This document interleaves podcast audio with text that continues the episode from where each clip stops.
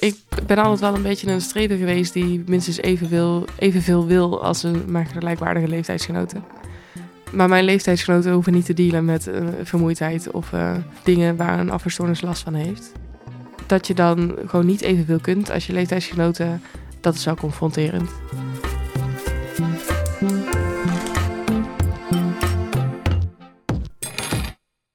Dit is Bibian. Bibian is 25, ze zit op kamers in Nijmegen, ze studeert medische biologie en ze heeft dus een afweerstoornis, een primaire immuundeficiëntie. De lijf maakt te weinig afweerstoffen aan. Die stoffen heb je natuurlijk nodig om ziektes buiten de deur te houden en op te ruimen als ze toch binnenkomen, maar dat gebeurt bij haar dus niet. Ze is gediagnosticeerd op de derde en sindsdien krijgt ze elke drie weken een infuus met immunoglobuline. Dat gaat goed, maar tegelijk merkt ze nog bijna elke dag dat ze kwetsbaar is. Kun je, als je gezondheid zo'n wankel evenwicht is, de deur achter je dichtgooien en de wereld intrekken? Naar de andere kant van de wereld reizen? Bibian heeft het geprobeerd. Ze is vijf maanden naar Australië geweest. Dat had nogal wat voeten in de aarde, daar gaat ze zo over vertellen. Vooral ook omdat ze die immunoglobuline mee moest nemen. Dat is medicatie die heel regulier is en natuurlijk helemaal legaal. Maar ze moest het wel meenemen naar een ver land. Waar het maar helemaal de vraag was of ze de ziekte wel zouden begrijpen. Ik ben Robin de Wever en dit is Je bent jong en je hebt wat. Een podcast van de Stichting voor Afweerstoornissen, mogelijk gemaakt door Takeda. Waar merk jij het meeste aan dat je, dat je PID hebt? Waar, zit me dat in? Um, momenteel merk ik het meeste aan het feit dat ik vermoeid ben. Nu heb ik het best wel onder controle, dus ik word niet zo heel vaak meer ziek. Uh, zo hier en daar nog wel. Ja, ik noem dat een beetje huistuin- en keukenbacterietjes of infecties. Maar wat is vaak dan? Ja, voor een gezond persoon is dat nog steeds vaak. Als in, nu is het de winter en dan heb ik er wel veel meer last van. Nu heb ik onderhoudsantibiotica. Dus dan heb ik uh, één keer in de winter of zo een infectie. Dus dat valt mee. Maar als ik mijn onderhoudsantibiotica niet heb, dan heb ik eerst drie keer een infectie. En dan zeg ik, oké, ik moet toch onderhoudsantibiotica gaan pakken. Dat is dan toch een beetje uitproberen, want het liefst wil je zo min mogelijk antibiotica gebruiken. Ja. Dus dan heb ik wel drie infecties voordat het halfwege winter is, zeg maar. Ik heb veel meer, veel meer last van mijn longen. Dus voor mij is het vaak uh, dat ik begin te snotteren en dat begint bij mij te druppelen in mijn keel. Als ik dan niet op tijd ingrijp, dan wordt het een longontsteking. Maar meestal ben ik al voordat het een longontsteking wordt, zeg maar. Oh ja. Vijf jaar geleden ben ik naar Australië gegaan voor uh, een stage van mijn opleiding. Daar ben ik vijf maanden stage gaan lopen en één maand rondgetrokken. Daar heb ik onder andere met zebravisjes onderzoek mogen doen naar de ontwikkeling van het hart. Dat vond ik uh, zelf heel vet. Uh, en daar heb ik wel een hele hoop dingen voor moeten regelen om daar naartoe te gaan. Onder andere mijn medicijnen moest ik daar toegediend krijgen, want ik kon niet een half jaar zonder medicatie. Toen ik ging stage lopen, toen heb ik wel gekeken naar meerdere plekken waar ik stage kon lopen. Toen heb ik wel bewust gekozen voor een land waar ze en Engels spraken, want dan kon ik mezelf nog een beetje verwoorden met wat het moest zijn. Uh, en waar de zorg uh, nou, enigszins fatsoenlijk is. Nou, dus Australië vind ik uh, redelijk fatsoenlijke gezondheidszorg. Redelijk vergelijkbaar met Nederland. Wat mij dan wel weer rust gaf om daarheen te gaan. Ik dan weet, als er daar iets gebeurt, dan word ik ook goed opgevangen. Vliegmaatschappijen die zijn wettelijk voorzien, zeg maar, verplicht om jouw medicatie mee te laten nemen. Het lastigste voor mij was eigenlijk de voorraad krijgen. Want ik geloof dat in Nederland ligt eraan per zorgverzekering. Maar je krijgt, geloof tot iets van max twee of drie maanden vooruit. Ja, en je wilt er natuurlijk voor veel langer.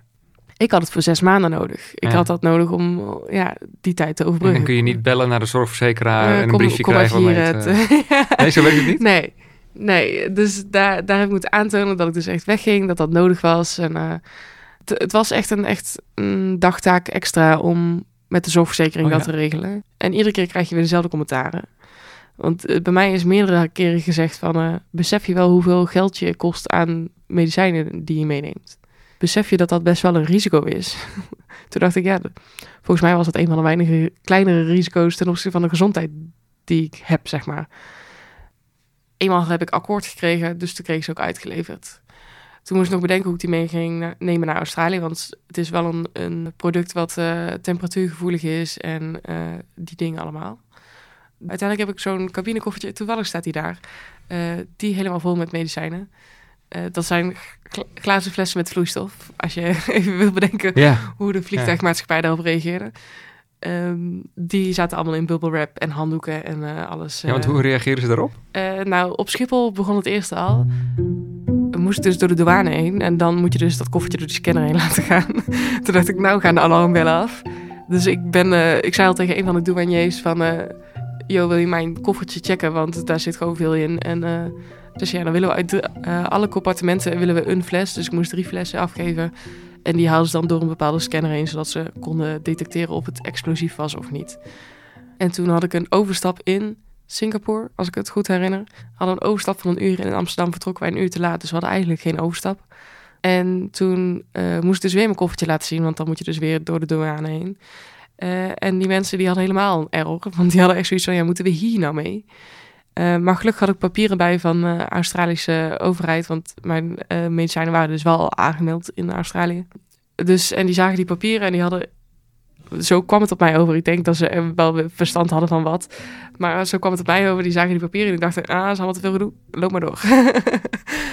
maar goed, ik mocht doorlopen, dus ik was al lang blij. En toen kwamen we op Australië aan en toen dacht ik, oké, nu verwacht ik zeg maar ongeveer dat er, eh, nou, dat ik in een kamertje apart word gezet en drie drugshonden op me afkomen of zo. Eh, maar dat viel gelukkig ook heel erg mee. En toen liep ik door de paspoortcontrole heen. Toen zei zo'n douanier van eh, iets in de categorie van moet je nog iets laten, iets aanmelden of zo. De, daar kun je dan in een bepaalde rij gaan staan van oké, ik heb iets bij, dat moet je checken. En eh, toen moest ik dus aangeven, nou ik had medicijnen bij, dus moest in die rij gaan staan. Zijn de medicijnen op jouw naam aangeschreven? Toen moest ik ook in die rij gaan staan. Ja, die medicijnen zijn op mijn naam geschreven. En dan komen er dus twee drugshonden voorbij. En die gingen niet zitten bij mijn tas. En toen mocht ik doorlopen. En dacht toen? toen mocht ik eigenlijk zo de airport inlopen. Toen heb ik echt nog omgekeken dat ik dacht... weten jullie zeker dat jullie mij het land binnenlaten met deze medicijnen? Maar ik mocht doorlopen, dus ja, nou, toen dacht ik ook... ja, dan niet omkijken en doorlopen.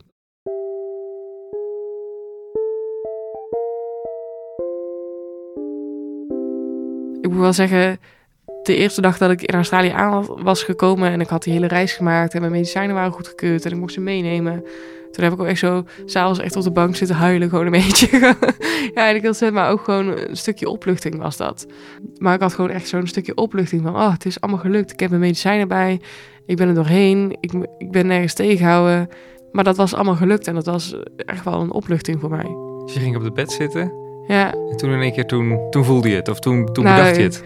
eh, toen ik mijn koffer ging uitpakken. Toen ging ik mijn koffer uitpakken en in mijn klerenkast leggen en eh, spullen uitpakken. En toen dacht ik, het is me gelukt, zeg maar. Ja, ja, dat was wel eh, emotioneel te nemen.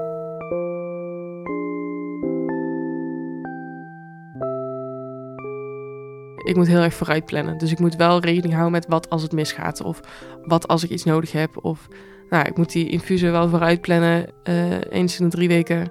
Dat ging best wel goed. Ehm, ik wilde op het laatst ook een maand reizen. En daar heb ik dan vier weken gereisd in plaats van drie weken. Dus dan heb ik mijn infuus gehad. Toen ben ik vier weken gaan reizen. En toen ben ik naar huis gegaan. Toen heb ik thuis weer infuus gehad. Dus, Net iets langere periode dan normaal, want Ja. normaal zit het drie weken. Ja. Maar dat was ook deels onder het mom van... dan kan ik vier weken reizen. Dat, was gewoon gunstiger dan drie weken. Drie weken is echt best wel kort. Ja. En als ik ziek zou worden, dan zou ik toch naar huis gaan. En thuis ziek zijn, dat was het sowieso waard geweest... als ik dan vier weken had mogen reizen. Ja. Ja. dan lig ik dan wel weer twee weken op bed. De- ja, dat is dan een beetje de afweging die je moet maken. Maar dan, dan ben ik ook helemaal niet meer mee bezig eigenlijk. Met mijn infuus of met mijn ziek zijn. Of, eh, dan ben ik veel te enthousiast voor eh, alles wat ik mag gaan zien. En ik mag gaan reizen. En ik mag eh, daarheen vliegen. En we gaan met de bus daarheen. En eh, we zijn gaan snorkelen. En eh, we hebben de Great Barrier Reef gezien, wat heel vet was. En ja, dan ben ik veel meer bezig met mijn leven dan zeg maar dat deel van mijn leven. Maar dan moet je dus wel van tevoren heel veel voorbereidingen voor treffen om die vrijheid te kunnen hebben. Ja, ja dat, is, dat is het een beetje eigenlijk. Hoe voelt dat? Soms wel vervelend. Eh, als ik dan sommige vrienden van mij zie die zeggen... Oh, ik ga over twee weken een vette reis maken. Dan denk ik, super vet. Die reis die zou ik ook kunnen maken. Maar dan moet wij, voor mij wel... Zeg maar, als het een lange reis is... wel een half jaar van tevoren minimaal geregeld worden. Of over nagedacht. Als je 25 bent, is dat de tijd dat iedereen eh, de hele tijd wegvliegt, hè? Ja. Veel vrienden gaan eh, wel op grote reizen. Vrienden van mij zijn eh, recentelijk naar een van de zeven wereldwonderen gegaan. Naar Petra, geloof ik dat. Ja. Ja. Jordanië? Jordanië. Ik kwam even niet op land. Die zijn daar naartoe geweest en echt super mooi. En dan zie ik foto's, vind ik super vet. En dan denk ik, oh, dat wil ik ook nog wel een keer. Maar hun gaan er wel een stuk makkelijker in mee dan ik. Waar ben je bang voor als je op reis gaat? Eh, ultieme zwarte scenario, denk ik, is een eh, ziekte oplopen waar je niet meer van kunt genezen. Dus eh, waar gezonde mensen al moeite hebben om er bovenop te komen, dat wij die ook oplopen. En voor ons dan nog zwaarder is om tegen te strijden. En dan in het Ja, want je lichaam heeft er dan gewoon meer, meer moeite mee. Ja, we hebben gewoon minder weerstand te bieden, dus een ziekte heeft veel meer vrij spel. Maar op reis zijn andere ziektes die onbekend zijn voor ons. Eh, omdat wij een redelijk lokaal product hebben, ben je vooral beschermd tegen ziektes die in Nederland en omgeving zijn. Mocht je daar buiten gaan, dan ben je dus... lokale medicijnen bedoel je? Ja. Ja. En mocht je naar buiten gaan, dan ben je niet beschermd tegen ziektes die daar weer heel veel voorkomen. Dan heb je in Europa denk ik niet zo bijzonder veel gekke ziektes meer. Maar mocht je daar buiten gaan, dan kom je wel ziektes tegen ja, waar je gewoon eh, als Europees gewoon niet goed tegen beschermd bent. Tegen veel ziektes kun je tegenwoordig een vaccin nemen. Maar sommige vaccins mogen wij niet nemen. Wat ook alweer Ja, tegenstrijdig dus is. Wat dat betreft gedoe, gedoe. Ja. En, eh, Dus dat is de wereld ook wel een beetje eng eigenlijk. Ja, in zekere zin wel. En het meest enge scenario zelf zou ik vinden dat je in een land komt, in een een of ander ziekenhuis, waar, waarvan je ziet dat de hygiëne niet goed is. Of in ieder geval waar de zorg niet optimaal is om, om je te ondersteunen. Die ondersteuning die je nodig hebt, om die niet te kunnen bieden. Dan kun je niet zomaar overgevlogen worden naar Nederland, zeg maar. Ik denk, eh, voor mijn vrienden is het vaak eh, als ze op vakantie gaan, worst case scenario, breek zijn benen, moet ze met de gipslucht naar huis, om het zo te zeggen. Worst case scenario voor mij is eigenlijk vooral ziek worden en niet meer beter kunnen worden in het buitenland. Dus je gaat wel echt de wereld in als je op reis gaat. Dat is wel echt spannend dan. Ja, iedere reis is spannend. Eh, het is altijd even afwachten hoe je überhaupt zelf gaat. Want als je stabiel gaat, dan wil het meestal goed gaan. Maar als je daar iets eh, lokaals eet en dat kan je maag niet hebben, dan word je daar ook weer ziek van. En dan worden gezonde mensen meestal ook wel ziek van. Maar wij dan weer net iets langer dan een gezond mens. En dan kan het zomaar zijn dat je een week van je vakantie ziek bent.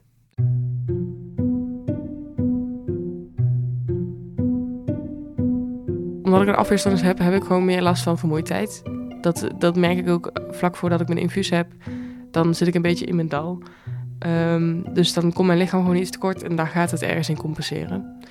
Eh, en dan heb ik gewoon een bepaalde vermoeidheid. Dus dat is wel dingen waar ik rekening mee zou moeten houden. Dus ik kan niet zeg maar eh, een volle week werken, dan op stedentrip gaan en weer een volle week werken. Want dat, dat, dat is gewoon te veel. Is dat iets waar je je bij hebt moeten leren neerleggen? Mm, daar, daar leer ik nog steeds iedere dag in. Dat is ook wel een stukje accepteren. eh, dat wat, dat moet, niet wat moet je accepteren dan? Ik ben altijd wel een beetje een strever geweest die minstens evenveel, evenveel wil als een maar gelijkwaardige leeftijdsgenoten. Maar mijn leeftijdsgenoten hoeven niet te dealen met eh, vermoeidheid of eh, nou, ja, dingen waar een afweerstoornis last van heeft. En dat je dan gewoon niet evenveel kunt als je leeftijdsgenoten, dat is wel confronterend. Dat moet ik iedere dag nog leren. Ik, ik ben ook benieuwd of dat nog ooit overgaat. Maar eh, dat, dat is je bij het neerleggen dat je niet evenveel kunt als een ander. En dat is gewoon heel frustrerend, want het zijn geen dingen waar je controle over hebt. Het is niet dat ik iets kan doen, zeg maar, aan mijn afweerstoornis, waardoor die beter of slechter wordt, eh, dat ik dat wel zou kunnen. Dat is lastig, want er zijn dingen die je niet kunt veranderen, dus die zul je moeten accepteren. Ja. En, wa- en waarom steekt dat het meeste? Is dat het gevoel dat je dan minder... Dat is een stukje eh, minderwaardigheidscomplex, denk ik. Ja? De- je voelt je, ik, of in ieder geval, ik voel me dan wel in zekere zin eh, minder. Terwijl ik kan me goed rationeel bedenken dat dat niet zo is. En eh, dat dat zo niet in elkaar steekt. Maar dat is toch wel een stukje gevoel wat dan, waar je niet mee kunt met de rest. Waar je achterblijft. Heb je wel eens dat je op Instagram kijkt of zo... en dat je dan iemand ergens in een stad ziet... of ergens aan een strand ziet liggen... en dat je dan denkt... Ja. Hij wel, zij wel. dan denk ik wel af en toe van, oh, het zou wel vet zijn als ik dat ook zou kunnen. Voor nu zeg maar vooral reizen naar Thailand of zo. eh, lijkt me wel heel vet om allemaal te zien. Maar dan bedenk ik alles wat ik daarbij moet regelen. Dan denk ik, nou, Griekenland vind ik ook wel mooi, zeg maar. Dat, ik ga dan wel naar alternatieven zoeken als het me te veel is of zo. Is het raar dat er plekken zijn op de wereld die je misschien wel wil zien, maar van je eigenlijk nu al weet, die, ga ik nooit zien? Nee, want zo zie ik het eigenlijk ook niet. Ik heb zelf meer zoiets van, als ik dat echt graag wil, dan kan dat. Dus ik zie het niet zoiets als wat ik nooit ga zien. Maar misschien niet voor nu.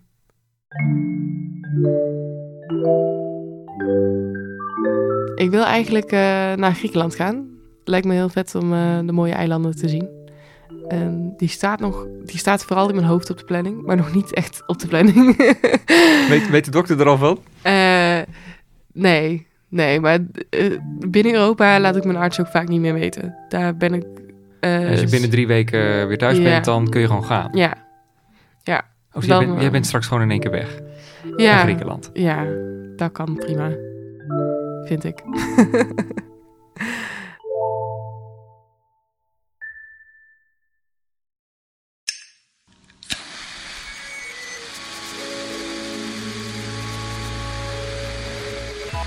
Er zijn nog twee afleveringen met Thijs, die op de middelbare school flink ziek werd, maar die zijn hoofd koel houdt. En met Nathalie, die 28 jaar lang chronisch ziek was en niet wist dat ze PID had. Ik zou zeggen, ga luisteren.